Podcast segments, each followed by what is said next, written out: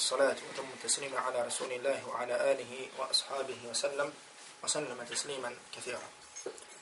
زاهل بريبد الله جل شانه ودونس من صلوات السلام نقصلنا الله وقصلنيك محمد صلى الله عليه وسلم كاجه أزويشني الله سبحانه وتعالى سوي وبلمن دويتنزي يا أيها الذين آمنوا اتقوا الله حق تقاته ولا تموتن إلا وأنتم مسلمون وبيكو يبيرو يتأ bojte se Allah Jalla šanuhu istinskom bogobojaznošću i nemojte umirati osim kao pravi muslimani. Allah subhanahu wa ta'ala molim da nas učini od onih koji se boje istinskom bogobojaznošću od onih koji će umrijeti kao pravi muslimani. Zahvaljujem Allah subhanahu wa ta'ala što nas je učinio od onih koji se okupljaju i druže i zajedno bivaju na mjestima gdje se spominju ajeti iz njegove subhanahu wa ta'ala knjige i gdje se spominju hadisi i događaji i života njegovog poslanika Muhammeda sallallahu alaihi wasallam. Draga braćo, mi smo u našem prošlom i zadnjem predavanju govorili o poslaniku sallallahu alaihi wasallam pohodu na pleme Benu Kureyza. O poslaniku sallallahu alaihi wasallam pohodu na jedno od židovskih plemena koje je živilo u Medini, gradu Allahovog poslanika sallallahu alaihi wasallam. U ciklusu naših predavanja u kojima govorimo o poslaniku sallallahu alaihi wa sallam bitkama i pohodima. Znači za one koji su prvi put ovdje sa nama, znači govorimo ne uopšte o životu Allahu poslanika sallallahu alaihi wa sallam, o nečemu što se zove sira, nego uzimamo samo one detalje, odnosno bitke i borbe i pohode Allahu poslanika sallallahu alaihi wa sallam i to spominjemo i isto ga uzimamo pouku i poruku. Draga brećo, događaj o kojem ćemo večeras govoriti je jedan veoma bitan događaj u životu poslanika sallallahu alaihi wasallam i muslimana iako je bio događaj u kojem nije došlo direktno do sukoba, do bitke, do borbe, međutim, Allah subhanahu wa ta'ala je ovaj događaj nazvao fethom. Nazvao ga je osvojenjem, oslobađanjem. Inače, riječ el-feth u arapskom jeziku znači osvajanje nečega, osvajanje nekog grada, neke utvrde ili oslobođenje nečega, nekog naroda i tako dalje. Allah subhanahu wa ta'ala ovaj događaj, iako njemu nije došlo do sukoba, nazvao ga El-Fetah. Pa je po pitanju, pa je povod, e, ovaj događaj bio povod objave jedne cijele kuranske sure koja se zove El-Fetah. Zove se pobjeda. I Allah subhanahu wa ta'ala obraća se i kaže svom poslaniku sallallahu alaihi wa sallam inna fetahna leke fethan mubina. Mi smo ti dali veliku pobjedu. Mi smo ti dali veliku pobjedu. Naime, događaj o kojem je riječ je sulhul Hudajbije, odnosno sporazum ili dogovor na Hudajbiji. Sporazum ili dogovor na Hudajbiji. Vi ste sigurno čitajući siru Allahov poslanika sallallahu alaihi wa sallam čitali o ovom događaju, a to je bilo kada je poslanik sallallahu alaihi wa sallam tio da obavi umr, međutim mušici su ga spriječili i onda je tu sa mušicima e, potpisao jedan sporazum, odnosno došlo je do jednog sporazuma. Vidjeli smo i rekli smo u prošlom predavanju da je sada došao jedan novi period u životu muslimana, u životu Allahovog poslanika sallallahu alaihi wa sallam. Jer smo imali uvijek da su mušrici dolazili i napadali Allahovog poslanika sallallahu alaihi wa sallam. Međutim, Allahom djelašanu voljom, muslimani su svaku od tih bitki dobili. I tada je poslanik, kada je završila bitka na Ahzabu, poslanik sallallahu alaihi wa sallam je tada rekao riječi koje su bile nadnaravnost, muadžiza Allahovog poslanika sallallahu alaihi wa sallam. Jer se obestinulo posle, a to je da je poslanik sallallahu alaihi wa sallam rekao Al-ana nagzuhum wala yagzuna. Od danas mi njih napadamo, a oni nas ne napadaju. I od tog događaja se nikada nije desilo da su došli i da su napali poslanika sallallahu alaihi wa sallam, nego je poslanik sallallahu alaihi wa sallam bio taj koji je išao u napad. I zato vidimo posle toga također pohod na pleme Benu Kureidu i posle toga Ovaj novi period poslanik sallallahu alaihi wa sallam želi da započne sa jednim činom koji se zove umre. Poslanik sallallahu alaihi wa sallam je osjetio da je došlo vrijeme da posjeti Bejt Allahil Haram, Allahovu svetu kuću, odnosno Kaabu. Pa je tako poslanik sallallahu alaihi wa sallam šeste godine po hijđri, u mjesecu Dhul Qa'de, krenuo u društvu sa 1400 ashaba Allahovog poslanika sallallahu alaihi wa sallam prema Mekki iz Medine sa 1400 ashaba Allahovog poslanika sallallahu alaihi wasallam, poslanik sallallahu alaihi wasallam krenuo je prema Mekki kako bi obavio obred umre. Znači umra je šta? Znači nešto slično poput hađa. Ko ne zna, međutim, obavlja se uopšte u svim danima. Znači ne obavlja se hađe samo u danima hađa. Međutim, umra je kad god hoćeš dođeš, uradiš da obučeš i hrame, da učiniš tavaf sedam puta, da trčiš između saje i merve i tada skidaš hrame. To je umra. Znači to možeš obaviti kada god hođeš. Međutim, hađ, to je u posebnim danima, u posebnim danima hađ. Pa je tako poslanik sallallahu alaihi wa sallam krenuo i istinski krenuo da obavi samo umru. Poslanik sallallahu alaihi wa sallam nije tio da dođe i do kakvog sukoba, niti je tio da ikoga napadne. Poslanik sallallahu alaihi wa sallam nije tio nikoga da napadne, nego je tio samo da obavi ovaj obred, da obavi ovaj ibadet. Pa tako kaže, se u hadisku je izabilje imam Ahmed u svom musnadu od Misvara ibn Mahrama, kaže, harađa Rasulullah sallallahu alaihi wa sallam amal hudaybija yuridu l'umra, la yuridu qitalan. Kaže, poslanik sallallahu alaihi wa sallam je izašao kada je bila Hudajbija, kaže, tio je da obavi umru, la yuridu qitalan. Nije tio da se isakim sukobi. Nije tijel ni sa kim da se bori. Vosaka ma'u al-hadiyah. I tada poslanik sallallahu alaihi wasallam i muslimani su sa sobom poveli kurban. Seba'ina bedane. 70 deva su poveli sa sobom kao kurbani. Jedan od sastavnih dijelova kada se obavlja hađir, kada se obavlja umra, znači ko želi može kad, kad se obavlja umra, jeste da se kolju kurbani. Međutim, to ćemo posebno spomenuti kada bude, budemo govorili o fiksnim propisima toga. I ovdje vidimo, draga braćo, također koliko je poslanik sallallahu alaihi wasallam htio i želio da na jedan mir, na jedan mirni način dođe do sporazuma i pomirenja između njega sallallahu alaihi wa sallam, između muslimana i između Kurejšija koji su koji su bili u Mekki. Međutim Kurejši, iako je poslanik sallallahu alaihi wa sallam toliko puta porazio, oni su bili uporni i želili su da kako su govorili, znači kako su rekli kada je bila bitka na Hazabu, šta su govorili zajedno sa židovima. Kaže, mi ćemo nastasilu Muhammeden, mi ćemo ga iskorijeniti. Iskorijenit ćemo Muhammeda sallallahu alaihi wasallam i muslimani. Pa su tako isto kada su došli da pregovaraju sa poslanikom sallallahu alaihi wasallam, kao što ćemo spomenuti kasnije, govorili smo Muhammede, šta misliš kada bi te mi iskorijenili? Međutim, pored toga što je poslanik sallallahu alaihi wasallam toliko puta porazio, opet su govorili i mislili su i bili su ubijeđeni da mogu da istrijebe Allahovog poslanika sallallahu alaihi wasallam i muslimane koji su bili sa njim. Sa njim. Međutim, Allah poslanik alaihi salatu wasalam, kao što je došlo u hadisu Buhari, kada je krenuo da obavi umru, također je poslao neke od izaslanika. Znači, nekoliko ljudi je poslao da mu dođu sa haberom, sa vijesti. Da li mušnici su saznali za njihov pokret? Jer, pazi, nije poslanik alaihi salatu wasalam krenuo sa nekoliko njih. Znači, bilo je 1400 ashaba koji su krenuli da sa poslanikom sallallahu alaihi wasallam obave umru. Pa je poslanik sallallahu alaihi wasallam, znači, radi svoje radi svoje razboritosti, genijalnosti. Poslao nekoliko ljudi da vide šta to oni, da li je do njih došla ta vijest, da li su se oni spremili i tako dalje. Pa se kaže u hadisu Buhari da poslanik Ali Salatu Osman kada je došao do mjesta koji se zove Dhul Hulejfe. A znate kad čovjek hoće da obavi hađi ili umru, imaju takozvani mikati, miqat. To su određena mjesta koja ne smiješ preći kada se nalaziš u svetoj zemlji, kada dođeš u Meku. Znači ne smiješ da prijeđeš određenu grancu osim da obučeš i hrame Osim da šta? Osim da obučeš hrama. To je sve skiner sa sebe, osim dva komada platna koji imaš jedno pokriješ dole, a drugo staviš gore. Znači, samo tako možeš da pređeš tu, ta, uh, znači, tu granicu, ta mjesta koji se zovu Mikati.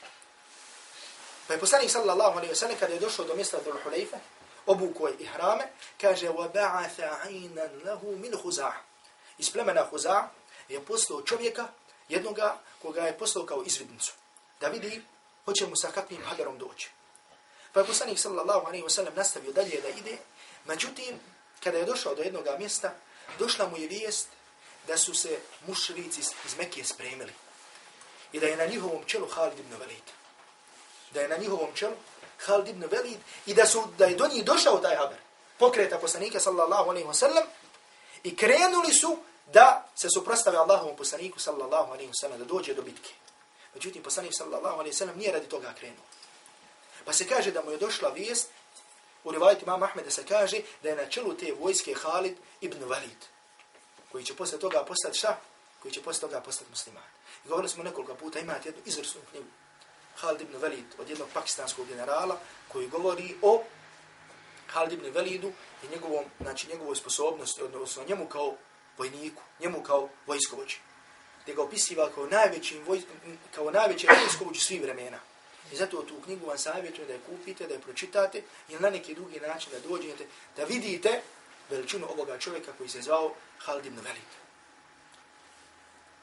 I znači dolazi do poslanika sallallahu alaihi wa sallam taj haber i tada poslanik sallallahu alaihi wa sallam se obraća ashabima, kao što je zabilježi imam Bukhari u svom sahihu, i kaže, aširu ejuhan nasu alaihi. Ljudi, posavjetujte me. Šta da radim? Znači, mi se nalazimo na mjestu, znamo da dolazi Halid ibn Velid. Nije svak, nego Halid ibn Velid, poznajte vojskovođa. Što znači, ako napadne, znači, moramo se jako suprostaviti. Pa kaže, obraća se sahabima, šta da radimo, da li da radim ovo, da li da radim ovo, da li da radimo. Pa kaže Abu Bakr radijallahu ta'ala anhu. Kaže, ja Rasulallah, haređte amidan li hadal bejti. La turidu qatla ahadin, wala harba ahadin, fa tabađihnu. Kaže, Allahu poslaniče, ti si izašao sa namjerom da obaviš umru ti se, Allahu poslanče, izašao si sa namjerom da obaviš umru da zijaretiš Kaabu nisi namjerovao ni sa kim da se boriš ni sa kim da se sukobiš fatawajjah lahu pa i tako dalje nastaviš wa in sadad wa in wa in saduna ako se oni nama suprostave i hoće da nas odrati od toga, onda ćemo se boriti, onda ćemo se boriti protiv njih. Pa je poslanik sallallahu alaihi wa sallam dalje nastavio i došli su do jednog mjesta koji se zvao Usfan. Došli su do jednog mjesta koji se zvao Usfan, a bilo je nastupilo vrijeme podne namaza. Bilo je nastupilo vrijeme podne namaza. I mušnici su znali da muslimani tada obavljaju molitvu. I Halid ibn Velid je namjeravao da upravo u onom momentu kad muslimani budu u namazu, da ih napadne. Jer je tada su govorili, mušici koji su bili, znači zajedno sa Halid ibn Velidom, govorili su, kaže, ta'ti alaihimul an salatun, kaže, sada im nastupa vrijeme njihove molitve. Sada im nastupa vrijeme namaza. hiya ahabbu ilaihim min anfusihim wa amwalihim A kaže, ta njihova molitva, ta njihov namaz je njima draži i od njih samih i od njihovih metaka. Znači, pogledajte kako mušici opisivaju ibadet muslimana. Namaz, kaže, to im je draži od njih sami i od njihovih metaka. Što znači sigurno će ga obaviti. I kada tu dođu, kada dođemo tu, kada vidimo da obavljaju namaz, onda ćemo i tu napasti. Međutim, draga braću, u tim momentima, Allahom poslaniku, sallallahu alaihi wa sallam, dolazi novi kuranski ajeti. U tom momentu poslaniku, sallallahu alaihi wa sallam, se objavljuje jedan novi propis. A to je salatul haufi. To je salatul hauf, odnosno namaz u strahu. Namaz u ratu. Kako ljudi kada su u ratu, kada su na prvoj liniji, kako klanjaju. Jer rekli smo da muslimanu nikada nije dozvoljeno da ostavi namaz, da ga ne klanja u njegovom ravnu. Pa čak i kada je u ratu. I sada ovdje se objavljuje poslaniku sallallahu alaihi wasallam kako će obaviti taj namaz. Pa se spominje da su tada klanjali, međutim kako su klanjali. Kada su kada je poslanik sallallahu alaihi wasallam sellem otišao da obavi seđdu, jedan dio je sa njim otišao da obavi seđdu, a drugi su ostali. Nisu otišli da obavljaju sećdu, nego su štitili i gledali šta će se desiti. Štitili su poslanika sallallahu alejhi ve sellem. Pa kad su ovi završili, ovi su otišli i dopunili svoj namaz. Znači dok jedna skupina klanja, drugi stražari. Kad ovi završe, ovi... međutim, namaz, ako namaz klanja dva, ako imam klanja dva rekata, jedna skupina sa njim klanja jedan rekat, pa oni odu, pa dođe druga skupina i klanja drugi rekat sa njim. A imam klanja oba dva rekata, oni klanjaju po jedan rekat. Mada u sunnetu znači došlo više načina obavljanja ovog namaza. I u tom momentu, znači dolazi Halid ibn Velid sa svojom vojskom i gledaj taj način klanjanja, taj način namaza. Znači vidi šta? Vidi da obavljaju namaz, međutim u isto vrijeme jedna skupina je spremna ako dođe do boja. I tada Allah Đalešanu mu dao jedan čudan osjećaj. U srcu Halid ibn Velida i oni koji su bili sa njima. Znači stajali su i gledali su poslanika sallallahu alaihi wa sallam kako obavlja namaz, međutim da nisu mogli ništa da učine. Znači taj prizor. U ratu, u tom strahu obavljanja namaza, iskrušenosti i straha od Allaha subhanahu wa ta'ala. I u tom momentu padanja Allahu djelašanu na seđdu, znači u srcima tih nevjernika se pojavio poseban osjećaj. Znači, draga braću, čovjek, musliman kada je na pravom putu, kada se drži Kur'an i sunnete, čovjek drugi koji ga gleda, čovjek drugi koji ga gleda, samim gledanjem u njega može da se vrati Allahu subhanahu wa ta'ala. Kada vidi njegovu predanost Allahu subhanahu wa ta'ala. I zato govorio sam, čitao sam priču jednog čovjeka, jednog Amerikanca koji je prešao na islam, koji spominje dvije ili tri tačke zbog čega je prešao na islam. Jedna od tih tačaka je bila, kada je bio u Egiptu, u Kairu, kako je vidio radnike koji na putu, kada dođe vrijeme namaza, ono radnice kopaju, dođe vrijeme namaza, abdeste se i klanjaju na put, ono, stanu i klanjaju. Ti prolaziš ovako tamo pored puta, ne na ovoj zemlji, dvojica, trojica nije stanu i klanjaju. Znači čovjek koji je predan Allahu subhanahu wa ta'ala, on će ga god zadesi namaz, on će ga tu obaviti. Međutim, za razliku od onih koji su dalje od Allaha subhanahu wa ta'ala, za njih ono znaš. Znači, ta molitva ono znaš, to je ko neka šminka za njih, posebno vrijeme, sve laganice, se to nema, je obaveza, nije obaveza. Nego, međutim, čovjek koji je predan Allahu subhanahu wa ta'ala, on se drži samo onako kako Allah subhanahu wa ta'ala to naredi. I Allah Đalešanu je tada, draga braću, u srce Halid ibn Velida dao poseban osjećaj. Pa tako, znači da nisu ništa učinili. Pa kada su završili sa namazu, poslanik sallallahu alaihi wa sallam je naredio, pazite, koja je to bila brzina? To je bila takva brzina i sposobnost da Halid ibn Velid nije upratio. Taj poznati vojskovođa nije upratio šta se desilo. Poslanik sallallahu alaihi wa sallam je naredio da krenu drugim putem da odu drugim putem kako se ne bi direktno sukobili, sukobili sa Halid ibn Velidom. I krenuli su. Međutim, radi te brzine i sposobnosti, kada su muslimani s poslanikom sallallahu alaihi sallam krenuli drugim putem, Halid ibn Velid nije otišao da ih prati. Nego odmah poslao izaslanika u Meku, koji će ih opomenuti i reći da ih dolazi poslanik sallallahu alaihi sallam sa 1400, odnosno sa velikom skupinom svojih ashaba. Sa velikom skupinom svojih ashaba. Međutim, draga braću, svaka stvar ima mudrost. Pa su tako krenuli, krenuli, krenuli, išli. I kada su došli do mjesta koji se zove Hudaybija, po čemu se zove ovaj sporazum, Allah subhanahu wa ta'ala je dao da je tada deva poslanika sallallahu alaihi wa sallam stala. Znači oni su krenuli i išli su. I pogledajte kako su krenuli drugim putem. Halid ibn Veli nije krenuo za njim. Međutim, Allah subhanahu wa ta'ala je dao da ta deva samo stane. I neće više da ide. Pa su ljudi koji su bili s poslanikom sallallahu alaihi wa sallam, počeli da govore haletil qaswa. Počeli su da govore, stala je djeva, neće, umrla se, šta je, ne može? Pa je poslanik sallallahu alaihi sallam, ma halakatil, ma haletil qaswa. Walejsa dhake bi hulukin laha. Kaže, ona, ona nije stala. I nije takvo njeno ponašanje. Walakin habasaha habisul fi. Nego ona isti, ona isti, to jest Allah subhanahu wa ta'ala. Ona isti Allah jalla šanu koji je zaustavio slona, zaustavio i nju. Na što se misli onaj koji zaustavio slona? Znači prije, odnosno na god rođenja poslanika sallallahu alaihi wasallam, kada ona vojska krenula sa velikim slonom da sruše Kabu, Allah Đelešanu je dao da slon stane.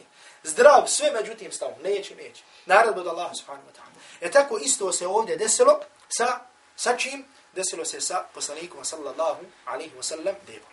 Treba breću tada, znači poslanik sallallahu alaihi wasallam, pazite, zna. Znači da oni dolaze da mu se suprastavaju.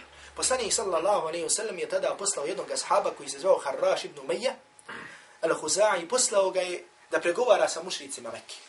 Međutim, ovaj ashab kada je došao, znači oni su ubili, zaklali njegovu devu i skoro da su njega ubili.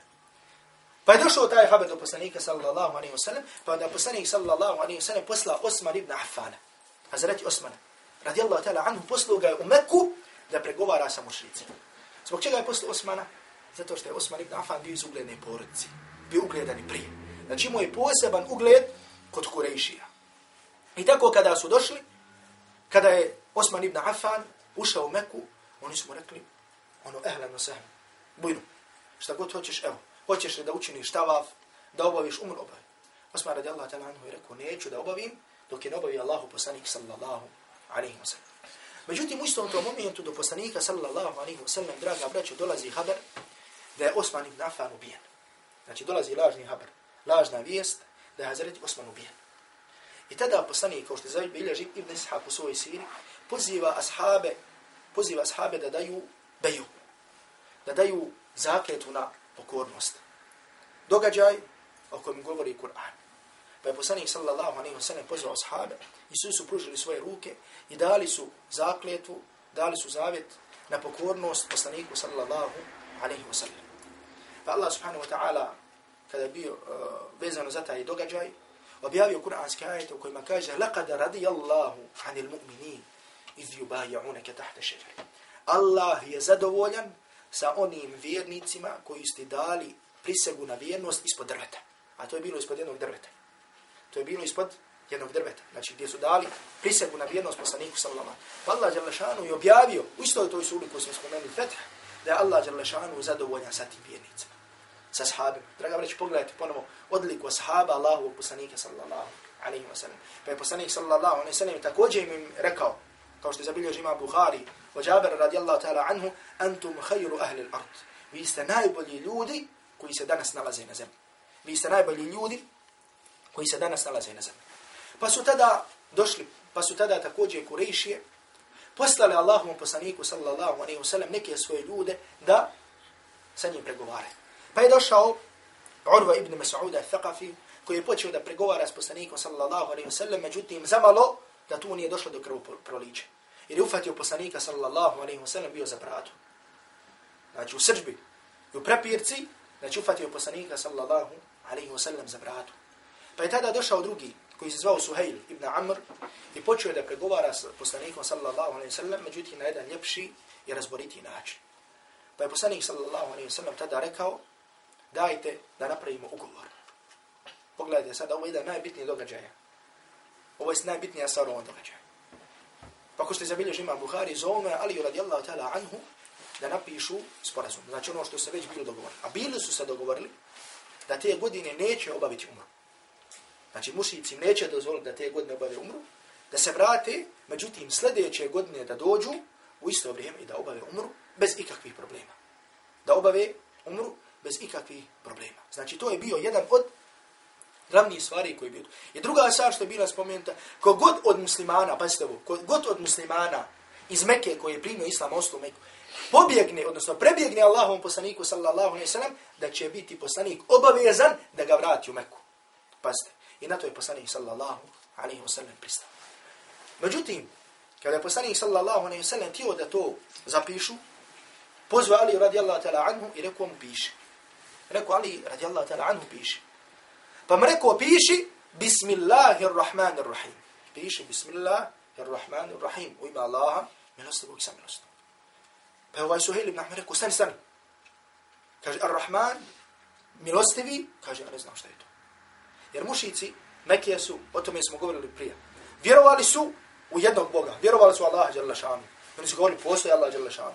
Međutim, obožavali su druge ekipove i govorili su da i to približava Allahu subhanahu wa ta'ala da i to približava Allahu subhanahu wa ta'ala. I znali su, i oni su Allah, zvali Allah. Međutim, nisu znali neka Allahova, nisu im bila poznata neka Allahova lijepa imena i svojstva, kao što je Ar-Rahman, milostivi. Pa kada je poslanik sallallahu alaihi sallam rekao, piši Bismillahirrahman, pa su rekli, Rahman, to nam nije poznato. Nego piši Bismika Allahumma. Nego napiši u ime Allaha, Allahumma, Allahu dragi. Znači, taj način im je bio poznat. Ovaj način je nije bio poznat. Pa rekao poslanik sa sallam, dobro, dobro. Pisat ćemo onako kako kažete. Pisat ćemo onako kako vi kažete. Pogledajte. Poslanik sallallahu alaihi sallam se odaziva. Pa kaže Ali radijallahu ta'ala anhu, piši od Muhammeda, Allahovog poslanika sallallahu alaihi sallam. Od Muhammeda, Allahovog poslanika. Pa kaže Suhail ibn Amr, stan, stan, stan, stan, stan. Kaže, tako mi Allah, da mi vjerujemo u to da sti Allahov poslanik. Pa mi se ne bi suprostavljali. Pa mi se ne bi suprostavljali. Ali radijallahu ta'ala anhu je već bio napisao od Muhammeda, Rasulullah, Allahovog poslanika. Pa mi poslanik sallallahu alaihi sallam rekao, briši to. Znači on su rekli da znamo da si ti Allahov poslanik, ne bi se suprostavljali. Nego napiše Muhammed sin Abdullaha. Pa kaže poslanik alaihi salatu wasalam, kaže, tako mi Allah, ja sam Allahov poslanik, wa in kezabtu muni. Iako me vi ulaž utjerivate. Pa kaže Ali radijallahu ta'ala anhu, piši od Muhammeda, sin Abdullah. Pa kaže Ali, ja ne mogu. Allah poslaniče ne mogu. Kaže mu, briši to. Izbriši svojom rukom od Muhammeda Allahovog poslanika, ali radi Allah ta'ala nije mogu da pobriši. Znači, I pogledajte ljubavi koji su imali prema poslaniku, alaihi salatu wasalam. Pa je poslanik sallallahu alaihi wasalam, uzao i svojom rukom to pobrisu. I tu su napisali sporazum. Međutim, draga braćo, ashabima koji su bili s poslanikom sallallahu alaihi sallam, i ovaj događaj teško pao. Ovaj događaj je mnogo teško pao. Zato što su krenuli, krenuli su da obave umru. Međutim, prije toga u nekoliko bitaka su pobjedili. Pobjedili, porazili te mušnike. Međutim, sada dolaze, oni se suprastavljaju. Pogledajte šta radi poslaniku, alaihi sallam, hvataju ga za bradu. Ma oni hoće da im glave podkidaju. Međutim, poslanik sallallahu alaihi sallam ne da. Šta je god došlo, poslanik sallallahu alaihi sallam se im odgovara na to. Jer poslanik sallallahu alaihi sallam rekao i kaže tako mi Allah, ništa od mene neće tražiti. U čemu je veličanje Allahu i svetinja, a da im u tome neće odgovoriti. Da im u tome neće odgovoriti, to jeste da se neće složiti sa njima. Pazi mušicima Mekke, kolika je bila želja poslanika sallallahu alaihi sallam da na miran način riješe taj spor. Međutim, ashabima koji su dali zavjet poslaniku sallallahu alaihi sallam na pokornost, ma do smrti da će biti uz poslanika alaihi salatu sallam, nisu mogli njihovi, nisu mogli da to pojme. Znači, da napravimo sporazum sa njima, došli tu do pred, došli do pred Meku, pa se Omer radijallahu ta'ala anhu, koji je bio poznat po svojoj ljubomori prema islamu, po svojoj hrabrosti, po svojoj ljubavi prema poslaniku alaihi salatu wasalam. Se tada obratio Allahom poslaniku sallallahu alaihi wasallam i rekao Allahu poslaniće, a leste nabija Allahi haqqan, Allahu poslaniće, pa zar ti nisu istinu Allahu poslanik? Pa poslanik alaihi salatu wasalam rekao, jesam, ja sam Allahu poslanik. Pa me radijallahu ta'ala anhu rekao, alejse, lesna ala l'haq wa aduvuna ala l'batil. Allahu poslaniće, zar nismo na istini, a naš neprijatelj na neistini? Pa je poslanik sallallahu alaihi wasallam rekao, jes, to je tako. Pa onda rekao, nu'atihim ad-daniyya fi dina, pa zašto smo onda Allahu poslanice? Blagi prema njima. Zašto onda tako da, da postupamo prema njima? Pa rekao Allahu poslanice, za nam nisi obećao? Za nam nisi rekao da ćemo obaviti tavaf oko Kabe? Pa poslanik sam sallam rekao, jesam nam rekao da ćete obaviti ove godine? Pa I poslaniku alaihi salatu wasalam je došlo obavio vahjom, objavom, da će učiniti tavaf oko Kabe. Međutim, nije rečeno kada. Pa je Omeru, radijallahu ta'ala anhu, radi težine koji osjeću u svojim prstima. Otišao Abu Bekr, radijallahu ta'ala anhu, i rekao mu iste te riječi. Pa, kaže Abu Bekr, pa zar, zar Allah poslanik nije Allah poslanik? Abu Bekr mu je isto odgovaru, isto ko poslanik, sallallahu sallam. Jeste, on je Allah poslanik. Jesu li mi na isti, a naš neprijatelj na isti? Jeste. Sve je to tako. Je nam obećao da ćemo obaviti tavak u Kabe? Pa mi je rekao Abu Bekr, radijallahu Jel je ti rekao da ćeš ove godine obaviti? Draga braćo, Toliko je teško bilo što nisu obavili umru. Međutim, pogledajte, ponekad neke stvari čovjek iz žara svog imana, iz ljubavi prema Allahu, prema poslaniku sallallahu sallam, hoće da učini neku stvar. Međutim, Allahu Đalešanu je mudrost da se tu malo pričeka. Allahu Đalešanu je mudrost da se tu malo pričeka. Da se pogledaju neke druge stvari koji su korist, koji su maslaha. Da smo uzmu obzir. Pa su tada, pored tog sporazuma, poslanik sallallahu alaihi wa sallam se vrati u Medinu, a da nisu obavili umru. Vratili su u Medinu, a da nisu obavili umru. I tu su oni otprilike bili oko mjesec i po, su bili, znači, van Medine. Oko 20 dana su bili, znači, bili su na to mjesto koji se zove Hudejbije. I posle toga se vratili u Medinu da nisu obavili, da nisu obavili. Međutim, u povratku, Allah subhanahu wa ta'ala je objavio ovu kuransku suru koju smo spomenuli na početku, a to je sura Fetah. Inna fetahna leke fethan mubina. Jer posle toga, znači ovaj veliki događaj, ovaj sporazum, je, draga braćo, uvod za jedan veliki događaj koji dolazi posle. A to je osvojenje Mekke. I zato ćete vidjeti onome, ako umog da što ćemo govoriti, bilo sljedeće subote ili subote posle, ako ne bi imali nekog gosta musafira, da nam drži predavanje, vidjet ćete osvojenje Mekke. I kako se obestinilo, kako su obavili umru i kako posle toga dolazi, znači ti događaj. Međutim, draga braću, ponekad, znači da čovjek priče kao nekim stvarima, znači Allah va je mudrost u tome. Jer isto, znači Allah šanu je dao da žena treba da rodi, da svoje dijete nosi devet mjeseci. Ne može prije. Allah subhanahu wa ta'ala je stvorio nebesa i zemlju šest dana. Allah Đelšanu da je tijel, Allah bi tvorio, stvorio u jednom trenu. Međutim, nebesa i zemlju stvorio šest vremenskih perioda. Sve to Allahu šanu mudrost. I zato čovjek čita siru života Allahovog poslanika sallallahu alaihi wa sallam i razmišlja o poukama i porukama. Mi ćemo sada ovdje spomenuti neki od pouka i poruka ovog događaja. Draga braćo, prva pouka i poruka iz ovog događaja sa kojim smo se večeras družili jeste lažna obećanja, odnosno lažna opravdanja. Ili bolje da kažemo iskrenost. Ili možemo da kažemo iskrenost i lažna opravdanja. Nešto mislim ovdje kad kažem lažna opravdanja? Nismo, namjerno sam izostavio, zato što sam dio sad da spomenem. Poslanik sallallahu alaihi sallam, kada je krenuo da obavi ovu umru sa 1400 svoje ashaba. Poslanik je tada također zvao još neke ljude koji se nisu odazvali poslaniku alaihi salatu wasalam. Pogotovo neka plemena koja su stanovala oko Medine.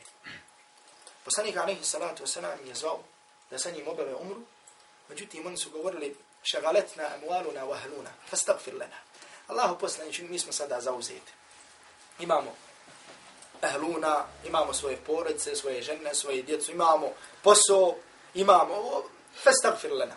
Pa treba moli Allaha da nam oprosti. Međutim, stvarno, stvarno, stvarno, Allahu poslanić, mi ne možemo da idemo s Draga braću, mi znamo da Allah subhanahu wa ta'ala kaže Ja ayuha allazina amanu Ja ayuha allazina amanu stajibu lillahi wa lir rasuli idha da'akum lima yuhyikum. Draga braću, ovaj kuranski ajed dobro poslušajte.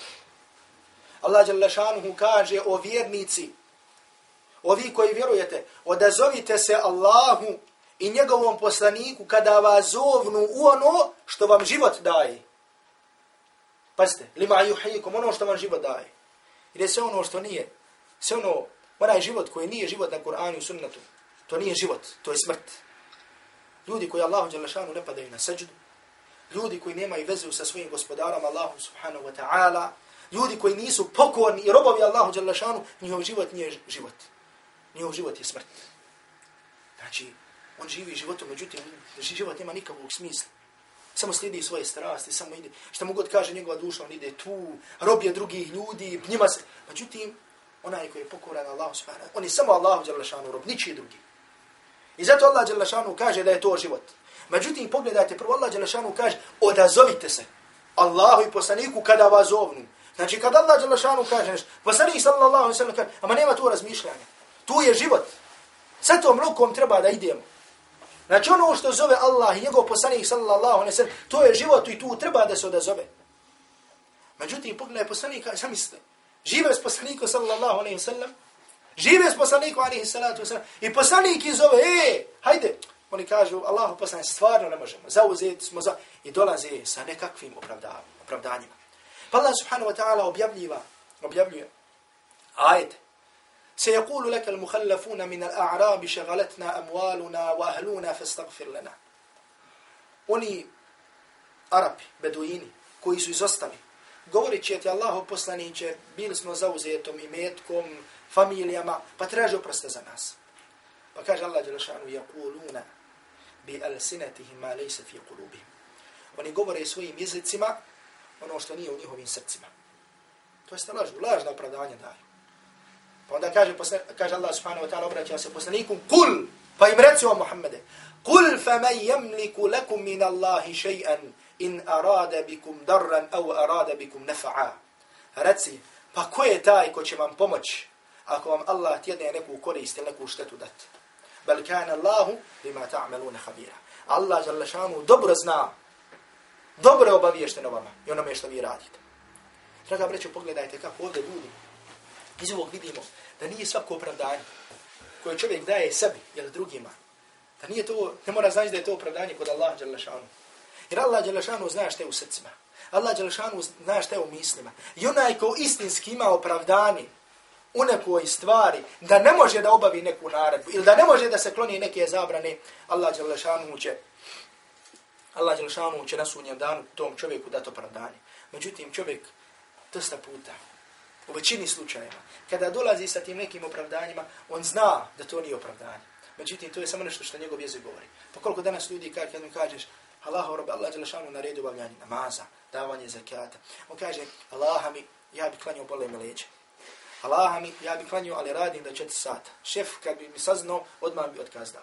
Allah mi, ja bi klanio, međutim, djeca, Allah mi uopće ne može se klaniti. Allah mi, znači, slušaš, Allah mi, Đelešanu, smijeh. Pa čovjek kaže, Allah mi ja bi ovo, međutim ne mogu. Allah mi ja bi ovo, ali radi toga. Znači on ne treba nikome od stvorenja da daje opravdanje. Allah Đelšanu je taj koji zna za opravdanje. Što znači, draga braću, da čovjek treba da se boji Allaha subhanahu wa ta'ala.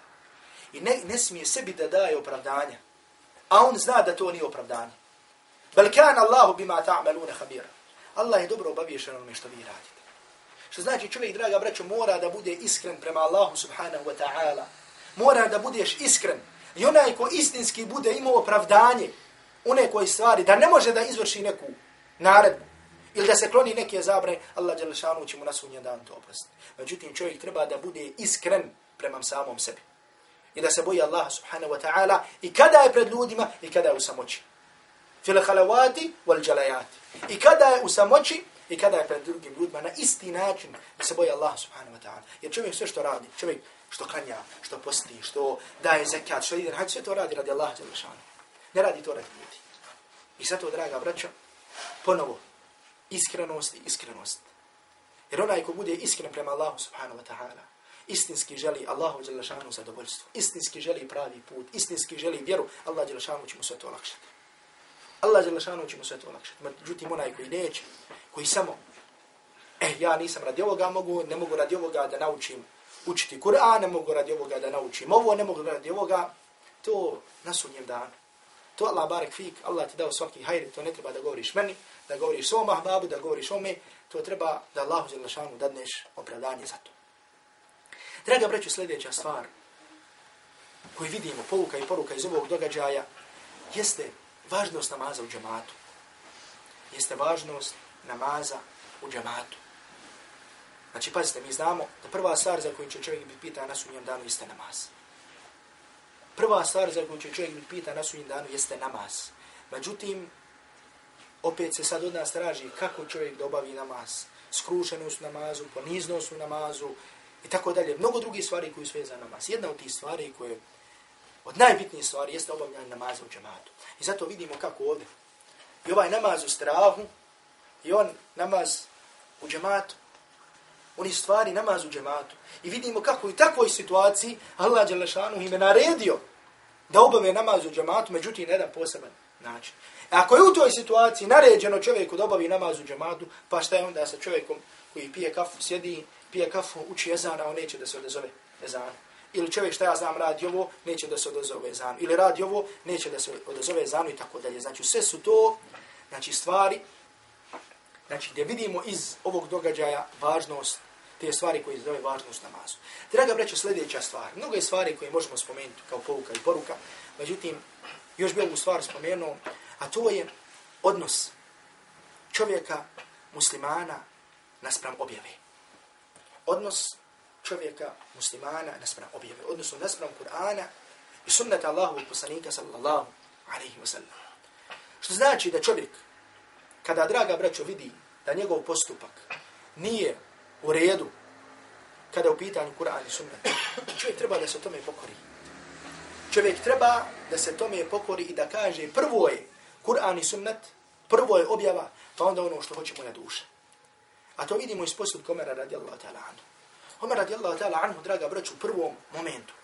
Nije znao da je to objava od Allaha subhanahu wa ta'ala da poslanih sallallahu alaihi wa sallam tako postupi.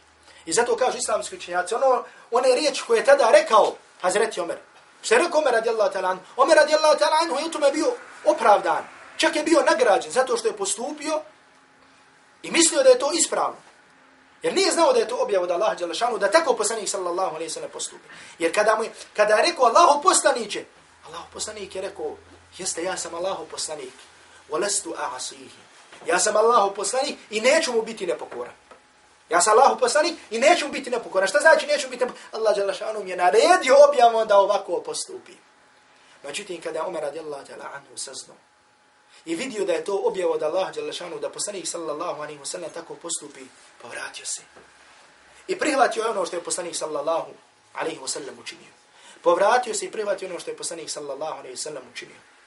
Prihvatio što je poslanik sallallahu alaihi wasallam učinio. I ne samo to, nego se kaju Allahu subhanahu wa ta'ala kajio se Allahu subhanahu wa ta'ala radi ti riječi koje tada rekao. Znači, da se tada obratio tako poslaniku Allah, da se, pazite, da se on obraća poslaniku alaihi salatu wasalam i kaže mu, jesi li ti Allahu poslanik?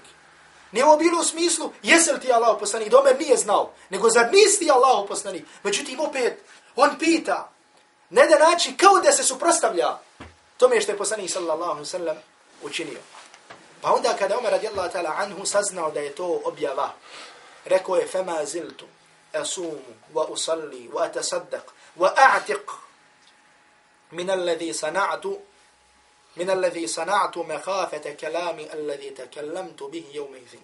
Kaže Umar radijallahu ta'ala anhu, ja još uvijek klanjam, znači ovdje se misli na film, i klanjam, i postim, i dajem sadaku, i oslobađam robove, znači dobrovoljno sve, kako bi se iskupio za ono što sam rekao tog dana. Bojeći se o težine ti riječi koje sam tada rekao. Pogledajte, fema ziltu, još uvijek, kaže, klanjam, to jeste na file, da mi Allah Đelešanu oprosti to, i postim na file, i udjeljujem sadaku, i, i, i, i oslobađam robove, i sve to, moleći Allah Đelešanu sa tim da mi oprosti ono što sam tada rekao. Ono što sam tada rekao. Međutim, pogledajte. Pogledajte kako musliman razmišlja. I zato smo rekli u prošlom predavanju. Draga braćo, to posebno zapamtite. Priroda čovjeka je da griješi. To je priroda čovjeka. Jer da čovjek ne griješi, Allah Đalešanu bi dao druga stvorenja koja bi griješila. Međutim, isto tako, priroda muslimana treba da bude, da bude kada čuje istinu da joj se pokori. I da kada vidi svoj grije, spozna svoj grije da se Allah Đalešanu pokori. E to treba da bude priroda pravog vjernika. To treba da bude njegova osobina. Koji god stvar, a ne ono što kažu čovjek kad zakrmi, e, ide, ma, komagare.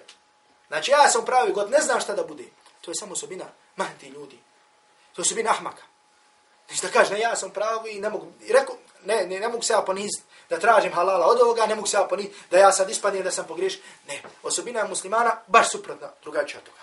Znači nemo, pogriješio sam, tražiš halala od onoga prema kome ispogriješ. Ovo se uči, moliš Allah subhanahu wa ta'ala da ti oprosti. I ne samo moliš Allah, djelaša, ono, o tome smo govorili prošli put, o te ubi, o istinskom pokaj. Ne samo Allah, dragi, oprosti mi, pogriješio sam i ono, gotovo, izađeš, sretan, happy, nema, ko da znaš da ti Allah, djelaša, izbrisao sve te tvoje grije. Nego pogledajte koliko se bojali. Jer nisu znali je li im taj grih oprošten ili nije. Pa su sve radili, radili, moleći Allah Đelešanu da će im Allah radi ti njih, njihovi dobri dijela oprosti to što su činili. I ponovo, ga, ponovo se vrati, razmislite ovim riječima Omer radi Allah ta'ala. Da kaže, fema ziltu, Allaha mi, radi ovi riječi čovjekovo srce, muminsko, muslimansko, da zaigra od straha. Da jedan Omer radi Allah ta'ala anhu kaže, a pazite, Omer je bio ko? Imamo je tako vrijednosti, hadiso vrijednosti Omer. Međutim, Omer je bio tu, ispod tog drveta, kada su davali prisegu, jel tako? Poslanik sallallahu alaihi sallam. Allah Đelešanu kaže, لَقَدْ رَدِيَ اللَّهُ عَنِ الْمُؤْمِنِينَ Allah je zadovoljan sa vjernicama koji su dali prisegu ispod drveta. Pa je Omer bio među tim, kojima je poslanik alaihi salatu wasalam rekao, ko što je hadis u Buhari, o Džabra u Buhari, antum hajru ahli l'ard, vi ste najbolji ljudi na zemlji. I Omer zna da je bio među tim. Međutim, opet, radi straha od grijeha, To što ono što uvijek govorimo, čovjek mora da strahuje braću od svojih grijeha. Radi straha od grijeha, o mene je rekao u rečenicu. Kaže, pa još uvijek klanjam i postim i dajem sadaku i oslobađam robove. Moleći Allah da mi oprosti ono što sam rekao, je ume i vin. One riječi koje sam izrekao tog dana. Molim Allah subhanahu wa ta'ala da nas smiluje, da nam oprosti, da nas učini od iskrenih svojih robova, koji kada pogriješe, vrate se Allah subhanahu wa ta'ala, moleći Allah šanu da nam oprosti naše grijehe, da nam oprosti naše loše postupke, da nas učini od onih sa kojima on subhanahu wa ta'ala zadovoljan, da nas učini od onih koji se druže sa Kur'anom i sunnetom Allahu poslanika sallallahu alaihi sallam, da nas učini, draga braćo, od onih koji se druže sa vjernicima, od onih koji se druže s vjernicima i svoje vrijeme provode u vjerničkom društvu i da nas Allah subhanahu wa ta'ala usmrti, a da on subhanahu wa ta'ala bude zadovoljan sa, njim, sa nama. أقول قولي هذا وأستغفر الله لي ولكم فاستغفره سبحانك اللهم الحمد لله أشهد أن لا إله إلا أنت أستغفرك وأتوب إليك.